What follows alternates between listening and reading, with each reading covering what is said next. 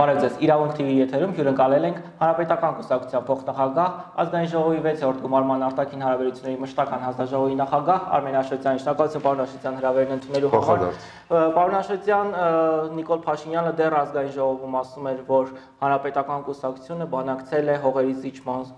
շուրջ, իրենք այդ ճանապարհով չեն գնալու։ Դեռ այն ժամանակ դուք հակադարձեցիք Այսօր բարձում է Յակոմիսկի խումբը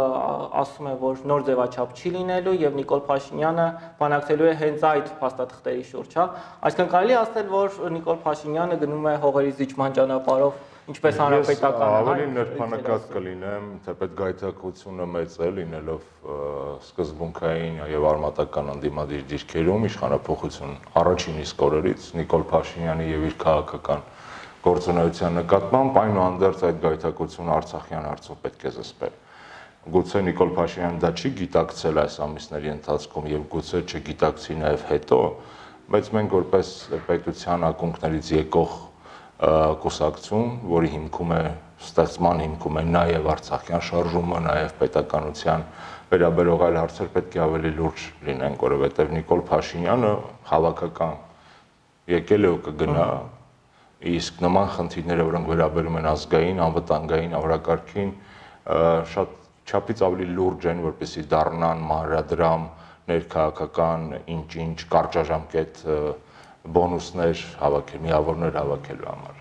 Այո, առաջին իսկ օրվանից իշխանապողության մեր հիմնական մտավախություններից մեկը նա էր, որ Նիկոլ Փաշինյանը չի տիրապետում Արցախյան հիմնարարցին բավարար չափով։ Նա ոչ միայն հաստատեց մեր մտավախությունը, այլ նաև ավելին հեռուն գնաց, փորձեց Արցախյան օրակարգը նսեմացնել, ստորացնել հեղափոխության այսպես կոչված օրակարգին, հիշում եք, որ հատկապես Կարոզարշավի ընթացքում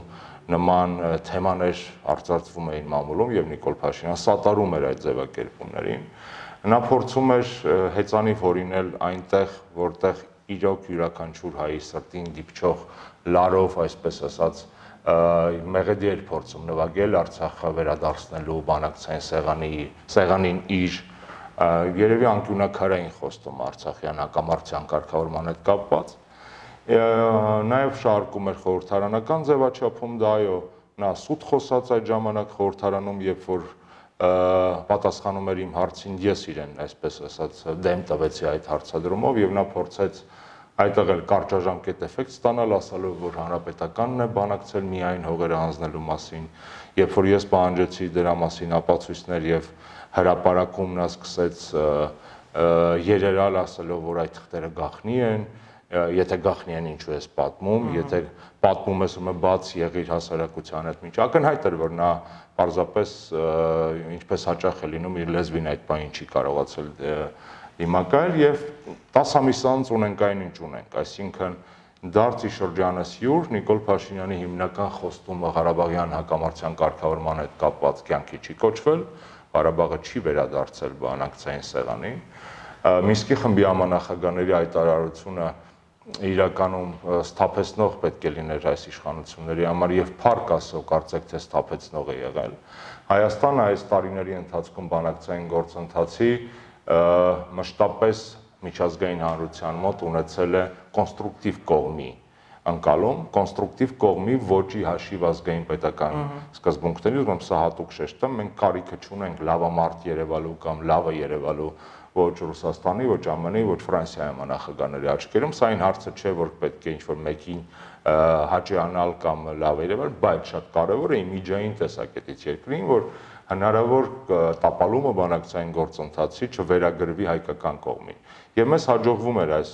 տարիների ընթացքում Սերժ Սարգսյանին անձամբ էր հաջողվում այդ նուրբ դիվանագիտական խելոք եւ իմաստուն խաղը տանել այն ուղղությամբ, որ այո Հայաստանը կոնստրուկտիվ էր, Հայաստանը չէր նահանջում կարմիր գծերից, բայց Հայաստանի վրա, այսպես ասած, չկար վտանգը դամոկլյան սուրը կախված, որ Հայաստանն է տապալում կամ բոյկոտում այս Մինսկի խմբի ամենախագաների ձևաչափը։ Եվ եկավ Մինսկի խմբի ամենախագաների վերջին հայտարարությունը, որին հետևեց Արցախում տեղի ունեցած համատեղնիստը, որը ես ընկալեցի որպես Նիկոլ Փաշինյանի պաշտոնավարման օրոք վերջապես միակ ծրակիչ թե շատ ծրագրային ելույթ Արցախյան հակամարտության կարգավորման հետ կապված։ Նա մի կողմից փորձեց կենթանի պահել իր խոստումը, ինչը ճիշտ է, որովհետև յուրաքանչյուրս պահանջատեր ենք լինելու իր, իր ամեն մի խոստման կատարման այդ թվում սա, նա պետք է հասկանա, որ քաղաքականության մեջ բարեր արժեք ունեն, գին ունեն, եւ այդ գինը քաղաքական գործիչը պետք է այն էլ այսօրվա կառավարության ղեկավարը պարտավոր է վճարել կամ իր գործով կամ իր քաղաքական ռվարկանիշի անկումով, որովհետև եթե խոստում ես տալիս ու չես անում, պետք է պատրաստ լինես գին վճարես դրա համար Երկրորդ մասի ելույթի ծրագրային էր, փաստացի ընդունեց Մինսկի խմբի կողմից ներկայացված դեռևս 2009-10 թվականներին հանրության հայտնի դարձած 3 գումարած 6 բանաձևը, 3 հիմնարար սկզբունքները եւ 6 կարգավորման էլեմենտները եւ փաստացի բանակցային օրակարգը ձևավորեց այնպես, ինչպես Սերժ Սարգսյանն էր թողել բանակցությունները այդ ժամանակ։ Սակայն ինչն է կորցրել Նիկոլ Փաշինյանը։ Նիկոլ Փաշինյանը այս ընթացքում կորցրել է իր ոչ հերատես շատ մակերեսային ընկալումների պատճառով Վիեննայի, Սանկտ Պետերբուրգի եւ Ժնևայի պայմանավորվածությունների կատարման պահանջատիրությունը Մինսկի խմբի համանախագահների կողմից հիշեցնեմ, որ անցյալ տարվա փետրվարից հետո Մինսկի խմբի համանախագահները երբեք չեն անդրադարձել այդ պայմանավորվածությունների կատարման անհրաժեշտությանը, ավելին ասեմ, Հայաստանի իշխանությունն էլ չէր անդրադառնում միջև վերջին հայտարարությունները, միջև հասկացան, որ վերելակային դիվանագիտությունը չէր կարող երկարաժամկետ ժամկետ էֆեկտ ունենալ եւ երբ որ այսպես ասած Հայաստանի իշխանությունները աուտի մեջ թողեցին բանակցային process Հայաստանի տեսակետից, նոր հիշեցին որ կան այդ պայմանավորվածությունները, ԱԳՆ-ն իր հայտարարության մեջ դա զետեղեց, հետո անվտանգության խորհրդի խորհրդների նիստերի մամլոյաղորդագրության մեջ դա տեղ գտավ, այսինքն փորձում են հետին թվով սրբագրել սխալները, ինչքանով կստացվի, Աստված դա ստացվի։ Բայց մի կարևոր հետևություն Նիկոլ Փաշինյանը պետք է անի։ Սա այն հարցը չէ, որտեղ ինքը կարող է թմբուկներով հասնել հաջողության։ Սա այն հարցը չէ, որտեղ ինքը կարող է ռանչպարների կանչով անցնել հասնել հաջողությանը։ Սա այն հարցն է, որտեղ նա ի սկզբանե պարտավոր է լինել ավելի պետականամետ եւ օրինակ կարողանար աշխատել եւ Սերժ Սարգսյանի եւ Էդուարդ Նալբանդյանի հետ ստանալու համար այն բոլոր անհրաժեշտ ներբությունները, որոնք այս process-ին վերաբերում են։ Նախ Մխիթար Հայրապետյանի եւ իմ հանդիպման մասին շատ գրվեց, չէ՞ Մխիթար Արապետյան առաջարկեց, ես համաձայնեցի, փոքր հարց էր համեմատաբար Արցախյան, շատ փոքր հարց է, բայց այդ ինստիտուցիոնալ փոխանակումը եղավ։ Դեն ես պատմեցի ինչն է կարևոր, ինչից վտանգներ սпасել, ինչպես եմ առաջարկում աշխատել, խոանոցը ներկայացրեցի, եթե դա հնարավոր էր ու պետք էր այդ մակարդակով Արցախյան հակամարտության դեպքում դա շատ ավելի կարևոր է։ Հենց Լևոն Տեր-Պետրոսյանն անգամ նշում է, որ իր մոտեցումները հա Նիկոլ Փաշինյանի Արցախի վերաբերյալ նման չէ անգամ իր մոտեցմանը եւ նա ունի իր հայեցակարգը։ Նիկոլ Փաշինյանն էլ բազմիցս նշել է, որ իր հայեցակարգն ունի, որը նման չէ մյուս 3 նախագահների հայեցակարգին։ Վերջո ո՞րն էր այդ հայեցակարգը։ Հիշենք, որ ժամանակային առումով դա տարբեր ժամանակներին էր վերաբերում, ինչ որ դուք թվարկեցիք։ Լևոն Տեր-Պետրոսյանի հայտնի հոդվածը, որին ես նույնպես արձագանքեցի բաց նամակով մինչև այս վերջին զարգացումներն են, որտեղ այո նա փաստում էր մի կողմից, որ Նիկոլ Փաշինյանը դեռևս չունի ծրագիր Արցախյան հակամարտության, մյուս կողմից շատ հստակ տողերի արանքում, բայց շատ հստակ ցույց էր տալիս, որ այդ ծրագիրը կարող է համընկնել նաև հենց Լևոն Տեր-Պետրոսյանի մոտեցումների հետ։ Արցախյան ելույթը, Ստեփանակերտյան ելույթը Նիկոլ Փաշինյանի բերեց օրակարգը օրակարգ բերեց Սերժ Սարգսյանի օրոք բանակցված փաթեթ, նորից կրկնեմ, առանց Վիեննայի Սանկտ Պետերբուրգի ցավոք սրտի եւ սա կորուստ է, որ հայկական դիվանագիտությունը կրեց այս ընթացքում, սա պետք է հաշվի առնել եւ առաջին անգամ էր, որ Մինսկի խմբի համանախագահների հայտարարության մեջ կար Հայաստանին ուղղակիորեն վերաբերող նեգատիվ, այսպես ասած, մաս, որովհետև Նիկոլ Փաշինյանը որքան էլ լավ բաներ ուզում անել, նա ինչ էր մտածում, մտածում էր վերջ, մենք հաղթել ենք, հա, էйֆորիա կա 95%-անոց լեգիտիմություն ունեմ ամբողջ աշխարհին ինձ է ցույց տալիս, ես կարող եմ նոր բան անել։ Տրամաբանական էր որպես ռազմավարություն, բայց դա արվեց այնքան հեղափոխական պրիմիտիվությամբ, չաշխատելով Մինսկի խմբի համանախագահ երկրների հետ, չձևավորելով դաշնակցային, այսպես ասած,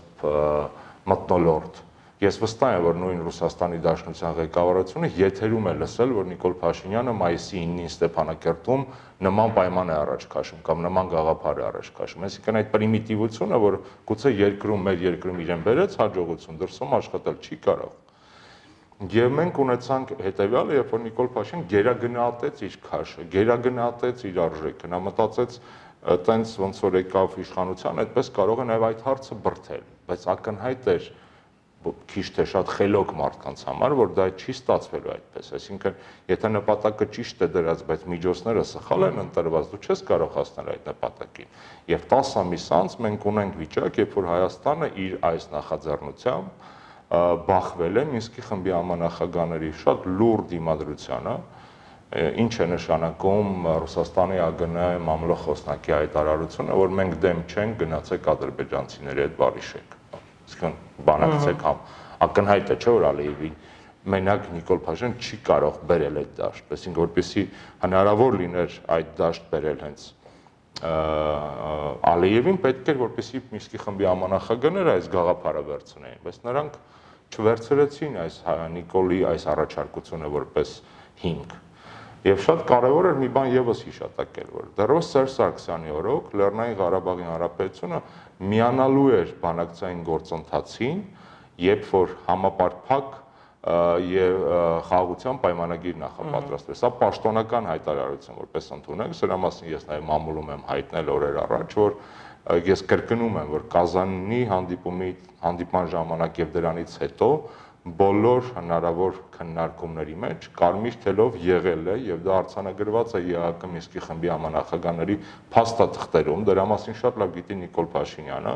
որ Սերժ Սարգսյանի իշխանության օրոք Լեռնային Ղարաբաղի Հանրապետությունը վերադառնալու էր բանակցային գործընթացին համապարփակ խաղաղության պայմանագրի նախապատրաստման ժամանակ։ Ապրիլյան պատերազմից հետո էլ Ռուսաստանյան համանախագահը, եթե չեմ սխալ, մակնարկել էր, որ վերջնական փուլում Արցախը մի շարք, մի շարք համանախագահներ դրա մասին առանձին խոսել են, ես պարզապես անցյալ շաբաթ շատ բաց տեքստով դա ասացի, որ այո, Կազանում եւ դրանից հետո եղել է այդ միտքը, այդ մոտեցումը հայկական կողմից բանակցված եւ պնդված այդ մոտեցումը, որ Արցախը պետք է վերադառնա։ Երբ երբ որ ընդունվի որպես հայտարարություն ընդհանուր հիմունքներ հանդիսացող այդ մեկնաբանություններով այն փաթեթը, որի հիման վրա պետք է կազմա ստեղծվեր խաղաղության պայմանագիրը եւ Արցախը պետք է լիներ խաղաղության պայմանագրի կողմ Սերժ Սարգսյանի օրոք։ Հիմա գալիք հանդիպման հետ կապված իհարկե ակնկալիքներ եւ անհանգստություններ ունեն Հայաստանում գրեթե բոլոր քաղաքական ուժերը։ Ակնհայտ է որ Նիկոլ Փաշինյանը ոչ միայն ինքը չի տիրապետում խնդրին, գուցե այս 10 ամսվա մեջ ավելի շատ է սկսել կարդալ հասկանալ, քան նախկինում, բայց նախկինում գործած սխալները տենց կներեք բառիս համար դալի դոլի վերաբերմունք Ալիևի հետ հանդիպումներին, ընդհանրապես այդ ձևաչափին իրեն թվում էր, որ ինքը ցանկացած պահի կարող է կոպիտ ասած թռնել այդ գործընթացից, խուսափել կամ հրաժարվել։ Այնինչ համաշխարհային քաղաքականությունը նման բաներ չի հանդուրժում եւ Նիկոլ Փաշինյանին բերեցին ցավոք սրտի, ասում եմ ցավոք, որովհետեւ ոչ թե Նիկոլ Փաշինյանին անձամբ ինչ որ երկրպագում եմ,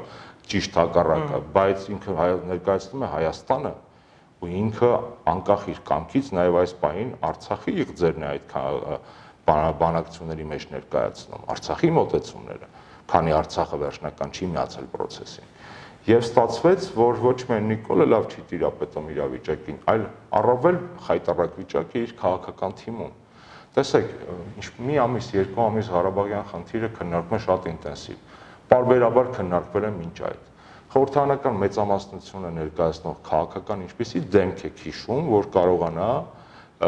հասարակությանը, ԶԼՄ-ներին, արտաքին աշխարհին բանական խոսք ասել Արցախյան հակամարտության կարգավորման հետ կապված։ Դե իրենք ավելի լուրջ խնդիրներ ունեն, օրինակ ստատուսներ խմբագրել, որոշել որ լրատվամիջոցների հետ պետք է զրուցել։ Կարող ենք հեգնել, իհարկե, կարող ենք հեգնել, կարող ենք բերել հազարը մի օրինակ, որ այս մարտիկ իշխանության եկած մարտիկ համարժեք չեն Հայաստանին եւ Արցախին սպառնացող վտանգներին։ Նրանք համարժեք չեն, նրանք չեն հասկանում, նրանք չեն հասկանում, նրանք չգիտեն, նրանց արժի համակարգը շատ տարբեր է նրանց գիտելիքների փորձի պակասը զգացնել է տալիս իրենց ամենտեղ եւ սա լրջագույն մարտահրավեր է երբ որ քո քաղաքական իշխող վերնախավը չի կարողանում ներկայացնել ճիշտ երկրիտ եւ ազգիտ շահերը լրահոսում տեսեք մենք առաջին անգամ այս տարիների ընթացքում ցավով պետք է արցանագրեմ պարտվեցինք քարոշչական պատերազմը Սումգայիթ խոջալու այս իրադարձությունների հետ կապված առաջին անգամ խոջալուն դարձավ ավելի ինտենսիվ քաղաքական լրահոս ապահովող առիթ, քան Սումգայիթը որովհետև նույն վարչապետը, այսպես ասած, որը ամեն պատե եւ անպատե առիթներով սիրում է կենթանի խոսքով մտնել եթեր, Սումգայիթի մասին խոսեց Twitter-ով, ասկան 160 նիշը բավարար էր, հա, կարծում եք քաղաքը երկրի ղեկավարի կողմից քաղաքական ուղերձ կարևորություն հաղորդելու համար։ Կարծում եք բավարար է։ Իհարկե ոչ։ Արցախի անկախությունն էինք նշում։ Կարծում եք այդ մեռելացին հայտարարությունը շնորհավորանքը իբրտե որի կեսը նվիրված էր իր իշխանապողության գովերքմանը իսկ Արցախի հետ կապված կտորներ ավելի լավ է չլինեն, եթե այդպես պետք է լինեն։ Բավարար է։ Բավարար է սպարապետի 60-ամյակի տոնակատարությունների, հիշատակի օրերի եւ հիշատակի օրվա եւ էներգետիկայի այդ քանակը իհարկե ոչ։ Այսինքն մենք ունենք իրավիճակ, երբ որ ռազմայենասիրական անվտանգային հարցերի նկատմամբ այսօրվա իշխանությունների վերաբերմունքը շատ ցածր մակարդակի է, շատ ավելի ցածր մակարդակի է, քան բազմաթիվ կենցաղային երկրորդական հարցերի վերաբերյալ։ Եվ սա վերաբերմունք է, որը պրոյեկցվում է ներքև, այսինքն իր խմբակցության վրա, իր խմբակցության падգամավորների վրա։ Լավ է դեռ կա արտաքին գործերի նախարարությունը, որը ինստիտուցիոնալ հիշողություն ունի եւ փորձում է կարծեք թե ինչ որ մի բան շտկել, բայց իրենց մեխն էլ կա նրանում, որ վարչապետը ամբողջությամբ չի մտել հունի մեջ այս հարցով եւ կա դեռ պաշտպանության նախարարությունը, որը նույնպես պետականաստեղծ, որ ասում եմ դեռ այն իմաստով, որ պետության դիրքերն ամրապնդելու տեսակետից այս երկու նախարարությունները համակարգաստեղծ նախարարություններ են կարևորագույն ողնաշարային նշանակություն են անվտանգության համար եւ ֆիզիկական եւ դիվանագիտական եւ քաղաքական տեսակետներից բայց որքանով կստացվի ես չգիտեմ Պանաշության վերադառնալով հայտարարությանը Նիկոլ Փաշինյանի դրանից հետո նաև ռուսաստանյան բավական հետարքիր արձագանքներ եղան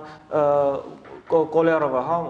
քաղաքագետ ռուս հայտարարել էր, որ մադրիդյան սկզբունքների շուրջ բանակցելը դա կլինի Արցախի համար ոչնչացում։ Զատուլինը, որը Պետդումայի падգամավորը եւ գիտեք որ պատահական մարդ չեն, նշել էր, որ կարելի է բանակցել տարածքների զիջման եւ դրա դիմաց կարգավիճակ ստանալու շուրջ ինչ տարբեր քաղաքական շրջանակներ եւ Ռուսաստանում եւ ԱՄՆ-ում եւ Եվրոպական միությունում բնականաբար հետևում են հայաստանյան զարգացումներին։ Իջենք տեսնում են, որ Հայաստանում իշխանապողությունից հետո ազգային օրակարգը մղվել է երկրորդ պլան։ Եվ դրա մասին շատ է խոսվել, երբ որ Արցախյան պատերազմի հերոսներ են վարկաբեկվում, երբ որ բանակի նկատմամբ հանրային ընկալումն է փոխվում, երբ որ Արցախի եւ Հայաստանի նախագահան նստած է իրենք տեսնում են սա, սա տեսանելի է եւ երբ որ ջուրը պղտորվում է տարբեր տեղերից ձուկ որսալու ցանկությունները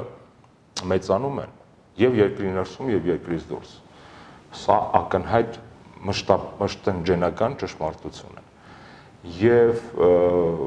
խոսքս չի վերաբերում միայն այն հանգամանքներին, որ դուք նշեցիք, կան նույն ԱՄՆ-ում հրապարակված շատ վտանգավոր հոդվածներ, շատ վտանգավոր տարբեր վերլուծաբանների կողմից, որտեղ օրինակ խորհուրդ են տալիս Արցախում չեզոքացնել Արցախ Արցախի ուժայինների ազդեցությունը։ Խորհուրդ են տալիս ԱՄՆ-ի իշխանությանը օգտվել նրանից, որ Նիկոլ Փաշինյանը ավելի լիբերալ է եւ իսկ Ադրբեջանը չի գնում էլ փողզիջումների, Հայաստանից էլ ավելի շատ բան կորզել։ Այսինքն քանի որ պղտորված ջուրը եւ տարածաշրջանում եւ Հայաստանում եւ Արցախի շուրջ ձուկ որսալու ցանկություն ունեցող մարդկանց քանակը, ուժերի քանակը կտրուկ ավելացել է։ Եվ այսօր, երբ որ ես ամենասկզբից ասում եմ, որ Արցախային հարցը չէ, որտեղ եթե Նիկոլ Փաշինյանը այնուհանդերձ ցուցաբերեց ինչ որ կոնստրուկտիվ անկալունակություն, երբ որ ես զգացի իր մեջ որոշակի, զգամ իր մեջ որոշակի պետականամետություն, աս հարցում լրջության անկալում, ապա անդիմություն իշխանությունը պետք է սովորի աշխատել անդիմության հետ այդ թվում արտախորհրդանական անդիմության հետ ա ասում է ձերքը ձերքը լվում երկու ձերքը երես այն հարցն է սա մեր պետության ու մեր ազգի երեսն է արցախը հենց այդ երեսն է որ 20-րդ դարի վերջին 21-րդ դարում փրկում է երեսատեղ է տալիս հայ ժողովրդին վերահաստատելու իր գոյության արժանապատվությունը եւ այս երեսը մենք պետք է միասին միշտ մաքուր պահենք կարծոք այդ ընկալումը գործող իշխանությունների մոտ չկար ամենայն դեպս չգիտեմ երբ որ այս ամպերը կուտակվեցին լարվածությունը իրենք զգացին հասկացան ինչ որ բաներ փորձեցին ավելի կոնստրուկտիվ թվալ կամ ներկայանալ Զորապանացականյանի հայտարարությունը նույնպես դրա մասին են վկայում, հա, որ ագնեն հայտնում է, որ այդ սկզբունքների շուրջ որպես հիմք, այո, մենք էլ ենք հիմք ընդունել։ Ոչ մեկ չի ասում այդ ամբողջ ընդունվել է։ Որպես բանակցային հիմք այդ փաթեթը այո ընդունվել է։ Այո, խնդիրը մանրուքների մեջ է, ասում սատանան մանրուքների մեջ է, այդ թվում ցանկացած կարգավորման պարագայում կկարողանա Նիկոլ Փաշինյանը վարչապետը հաղթել Նիկոլ Փաշինյան պոպուլիստին։ Դրանից է կախված նաև հայկական քաղաքական միտքը դաշտը կօգտագործի իր ամբողջ ներուժը Արցախը դիվանագիտական ճակատում պաշտպանելու համար, թե ոչ։ Այստեղ շատ կարևոր է նաև խորհրդարանի դերը, խորհրդարանական դիվանագիտության դերը Հայաստանում վերջին տարիներին կտրուկ աճել էր, ինձ թող անհամեջ չտվա, բայց դա շատ տեսանելի էր տարբեր ուղություններով հատկապես ու գերակա անցալելով էլ Արցախյան խնդիրը մեր իշխանության օրոք նոր այսինքն 6-րդ գումարման խորհրդարանի գործունեության ժամանակ որևէ հակարցախյան հակահայկական բանաձև խորհրդարանական վեաժողովներում չի անցել եւ սա տարվել է աշխատանք չէ բոլոր տեղերում եվրոպական պարլամենտ ԵԱՀԿ խորհրդարանական վեաժողով արևելյան գործընկերություն ԱՊՀ ՀԱԲ միշտ փակել ենք ունի այսօրվա խորհրդարանը այդ քաղաքական կամքը դա անելու կամ պոտենցիալը ես չգիտեմ։ Այսինքն ես գիտեմ, բայց ակնհայտ է, տեսեք, խորհրդարանը ընտրվել է 4 ամիս առաջ, դեռևս բարեկամական խմբերը ստեղծված չեն։ Բարեկամական խմբերը տուրիստական խմբեր չեն, հա, դա նշանակում է բարեկամական խումբ կամ մեկը, ով պատասխանատու է ենթադրենք Գերմանիայի հետ կամ Ֆրանսիայի հետ կամ Ուկրաինայի հետ հարաբերությունների համար խորհրդարանական ձևաչափով քաղաքական օրակարգ բրթելու համար, երկրի շահերը լոբինգ անելու համար։ Դուք ամեն դեպքում լավատես եք դեռ հույս ունեք այս ազգան ժողովի հետ կապված եւ առաջարկով եք հանդես եկել լսումներ անցկացնելու հետ։ Դա լավատեսություն չի, դա պետության նկատմամբ հարգանք է, որովհետեւ անկախ նայից թե ազգային ժողովը ումից է բաղկացած, դա պետական ինստիտուտ է։ Անկախ նայից որ այս ազգային ժողովը իմ աչքերում լեգիտիմ չէ, որովհետեւ նախորդը լուծարվել է համանadrության խախտմամբ խորհրդանի նկատմամբ ճնշումներով եւ դրա ոչ միայն քաղաքական, այլ իրավական գնահատականը դեռևս տրվելու է, տալու են այդ մարտիկ, պատասխան են տալու այն մարտիկ, ովքեր հոկտեմբեր ամսին խորհրդանի վրա կազմակերպեցին այդ հարցակումը անկախ այս ամեն ինչից, անկախ այս ընտրությունների որակից, որ ինչքան ուզում է սազը ձեռներին գովան տարբեր տեղեր, հո դուրս եկեք փողոց Հայաստանի բնակիչներին հարցրեք կեսից ավելին վստահ է, որ հանրապետականն անցել է խորհրդարան, պարզապես չեն թողել։ Անկամ մեզ չսիրողները։ Ինչու չվիճարկեցիք այն ժամանակ։ Իրավական իրավական խնդիրներ կային։ Կային իրավական խնդիրներ եւ կար արժանապատվություն չմխտրելու այնուհանդերձ պետության համար քաղաքական կարևոր գործընթաց։ Մենք չափից ավելի պետականամետ կարող ենք թվալ այն մարդկանց համար, ովքեր իրոք Նիկոլ Փաշինյանի քաղաքականության նկատմամբ ունեն ֆիզիոլոգիական անընկալան անընկալունակություն, հա։ Բայց մենք այդպեսին ենք։ Կա պետություն, նույն իմ առաջարկը ազգային ժողովի նախագահային պետության արվող առաջարկի եւ պետություն հա, հարգող մարդու առաջարկի ես ասում եմ ժողովուրդ, ձեր падգամավորները Արցախից տեղյակ չեն քաղաքական ուժերը, որոնք խորհրդարանում են, Արցախը երբեք որպես գերակա խնդիր իրենց քաղաքական օրակարգում չեն ընդունել։ Այսինքն այն չեմ ասում չեն խոսել, բայց ոչ իմ քայլի համար, ոչ ԲՀԿ-ի համար, ոչ լուսավորի համար Արցախի հարցը կուսակցականաստեղծ process չի եղել, հա, իրենց քաղաքական օրակարգում նույն ընտրաշավը տեսեք, ընտրական ծրագրերը տեսեք։ Արցախի հարցը կարևորվելով համակարգաստեղծ չի եղել։ Համակարգաստեղծ է եղել հանրապետականի համար, հանրապետ այլ ազգային կուսակցությունների համար։ Հրավիրեք արտախորհրդարանական ներուժը հրավիրեք վերլուծաբաններին, ես չեմ ասում միայն քաղաքական դաշտ, անալիտիկ կենտրոնների ներկայացուցիչներին, արեք լսումներ որպես քաղաքական ուղերձ Միջայլոց անալիտիկ կենտրոնները փակվեցին։ Շատ պրիմիտիվ են բացատրությունները։ Գիտեք, ակնհայտ էին, առաջի օրը ավելի ազնիվ էին այս իշխանավորները, ասում էին, լավ բան է ասում, բայց որ Աշոտյանն ասում չեն կանել, թե ինքը մեզ չասի ինչ անենք։ Ու մանկապատանեկան, հա, պրիմիտիվ մակարդակի իմ 5-րդ դասանի տղեն նման, իմ ворթին նման մեկնաբանությունով բան չի մերժում այլևս։ Դու ինձ մի ասա, ես ինչ անեմ, հա, այդ եթե դուք չեք հասկանում ինչ է պետք անել, լսեք խորհուրդը, որտեղ այդ խորհուրդը ոչ թե բարի ցանկություն, այլ բոլորիս համար է եւ այն բացատրությունները, որ լսումներ անում ենք այն ժամանակ, երբ որ հասարակությանը ինչ որ բան պետք է պատմենք եւ այն խորհրդանական լսումներ ունեն բազմաթիվ առաքելություններ։ Առաքելություններից մեկը ստալ ուժեղ քաղաքական ազդակ։ Օրինակ, անցյալ տարի արեցինք Սունգայիթի 30-ամյակի ջարդ, Սունգայիթի ջարդերի 30-ամյակի նվիրված խորհրդանական լսումներ։ Ինչ ինչ որ հասարակությանը նոր բան ունենք պատմելու Չէ, ինչ որ նոր հանգամանքեր ի հայտ եկե, չէ։ Հայժորտը մոռացել էր Սումգայիցյան ջարդերի մասին, չէ։ Ինչու արեցինք այդ լսումները։ Արեցինք, որպեսզի քաղաքական ազդակ, այդ թվում արտաքին քաղաքական ազդակ հաղորդենք, որ խորհրդարանը երկրի թիվ 1 ամբիոնում, թիվ 1 դալիճում քննարկվում է այս խնդիրը, ընդունվում է հայտարարություն, որի դեպ ստորագրվեց բոլոր հեղինակեցի ես, բայց ստորագրեցին բոլոր 4 քաղաքական ուժերը, այդ թվում Նիկոլ Փաշինի ստորագրությունն ունեմ ես իմ արխիվում այդ հայտարարության տակ։ Ինչու արվեց։ Որովհետև պետք էր, չէ՞։ Եվ Ալիև Փաշինյան հանդիպումից առաջ ինչքան ուժեղ լինի Փաշինյան, այնքան ձեր իմ եւ դրսում հիմա ինձ սпасով մարդկանց օգուտն է, բոլորի օգուտն է։ Նա ուժեղ պետք է լինի։ Իսկ նա ուժեղ լինի, նա պետք է հասկանա խաղի կանոնները, նա պետք է հասկանա, որ քաղաքական ներուժը երկրի չի սկսվում ու ավարտվում իրենով հատկապես Ղարաբաղի հարցում Անհաշտության ուսում եմ մեկ մեջ բերում անել ստեղծված իրավիճակն ունի մի քանի լուծում, բայց դրանցից ոչ մեկն իմը չէ։ Դա իմը չէ, հա, գիտեք ով է ասել։ Արաբիական երրորդ նախագահ Սերժ Սարգսյանը արդյոք սա հենց վերաբերում էր Արցախյան հիմնախնդրին եւ ստեղծված իրավիճակը նկատի ուներ այս եւ ոչ թե այն ինչ մոտենում է 1 տարին Հայաստանում իշխանապողության 1 տարին 1 տարին բավարար էր տասնյակ հազարավոր մարդկանց համար հասկանալու ինչ է կատարվել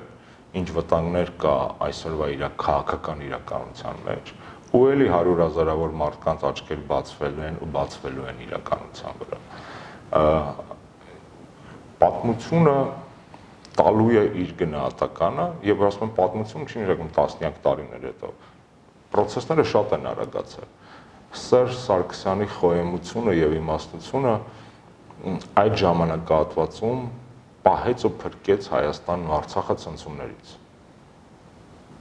Եվ ապրիլի 24-ին ընթառաջ եւ պետականամետության այդ իմաստնությունը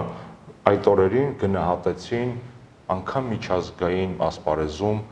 խոշորագույն դերակատարները Ռուսաստանի Դաշնության հայտարարությունների իշեք ԱՄՆ-ի, եվրոպական քաղաքական գործիչների, ինձ եվրոպացի գործընկերներն ասում են մենք sense բան չենք տեսել հետ կոմունիստական ժամանակահատվածում, որ մարդը այնքան պետականամետ լինի, այնքան չուզենա վնաս տա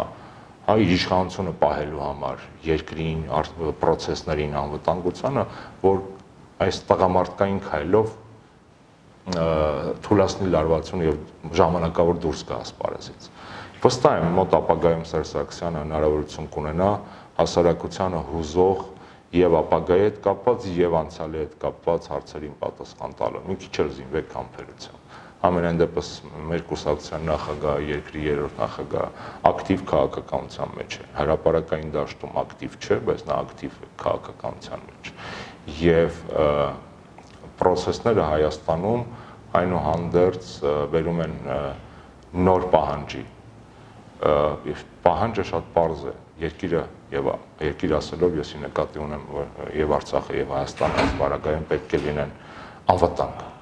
Երկրը մեր ընդհանուր ռազմաքաղաքական դաշինքը պետք է լինի անխախտ։ Հայաստանը չպետք է կորցնի իր արժանապատվությունը։ Հայաստանի իշխանությունները պարտավոր են իրականացնել այն խոստումները, որ տվել են այս մարդկանց, մեր մեր քաղաքացիներին։ Բայց այսօր գոհ են մի քանի հոգի, հա, Սվիտալսկին, Սորոսը, Բոլթոնը, երբ է Հայաստանի քաղաքացին գողնելու։ Չէ, ես այդ վինիգրետը չի անի այդ բաների մեջ, թեպետ որոշակի կապեր կարել է միշտ գտնել, այնուհանդերձ կարծում եմ Հայաստանի ցանկացած իշխանություն պարտավոր է իրոք սпасարկել իր երկրի ժողովրդի ազգային ու պետական շահը։ Ով Բրյուսելում գոհ էին Նիկոլ Փաշինյանից կարող եմ ասել ոչ իր այցը ֆիասկո էր, իր վերջի այցը ֆիասկո էր շատ եմ խոսել մամուլում, ոչ մի արդյունք չկար, որպես արդյունք, իսկ ձևի մեջ էլ վերաբերմունքը իր նկատմամբ, երբ որ Եվրանձնաժողովի նախագահ Յունկերը ասուլիսի կեսից թողնում գնում է, ես չեմ հիշում իմ 5-6 տարվա պատմության մեջ Յունկերի իշխանավարման, այսպես ասած, պատմության մեջ, որ ինքը որևէ մի երկրի ղեկավարի ասուլիսի կեսից թողի գնա։ Ու էլի տենց բազմաթիվ բաներ կան։ Մի խոսքով, որպես Հայաստանի պետության քաղաքացի, որպես հայ, ես շատ եմ ուզում, որ Արցախյան հակամարտության վերաբերող քաղաքական գործընթացները լինեն մաքսիմալ ազգային, եթե չասեմ միաբանության, ապա գոնե մեկ տեղման շրջանակներում։ Շնորհակալություն հետաքրքրության համար։ Նմանապես։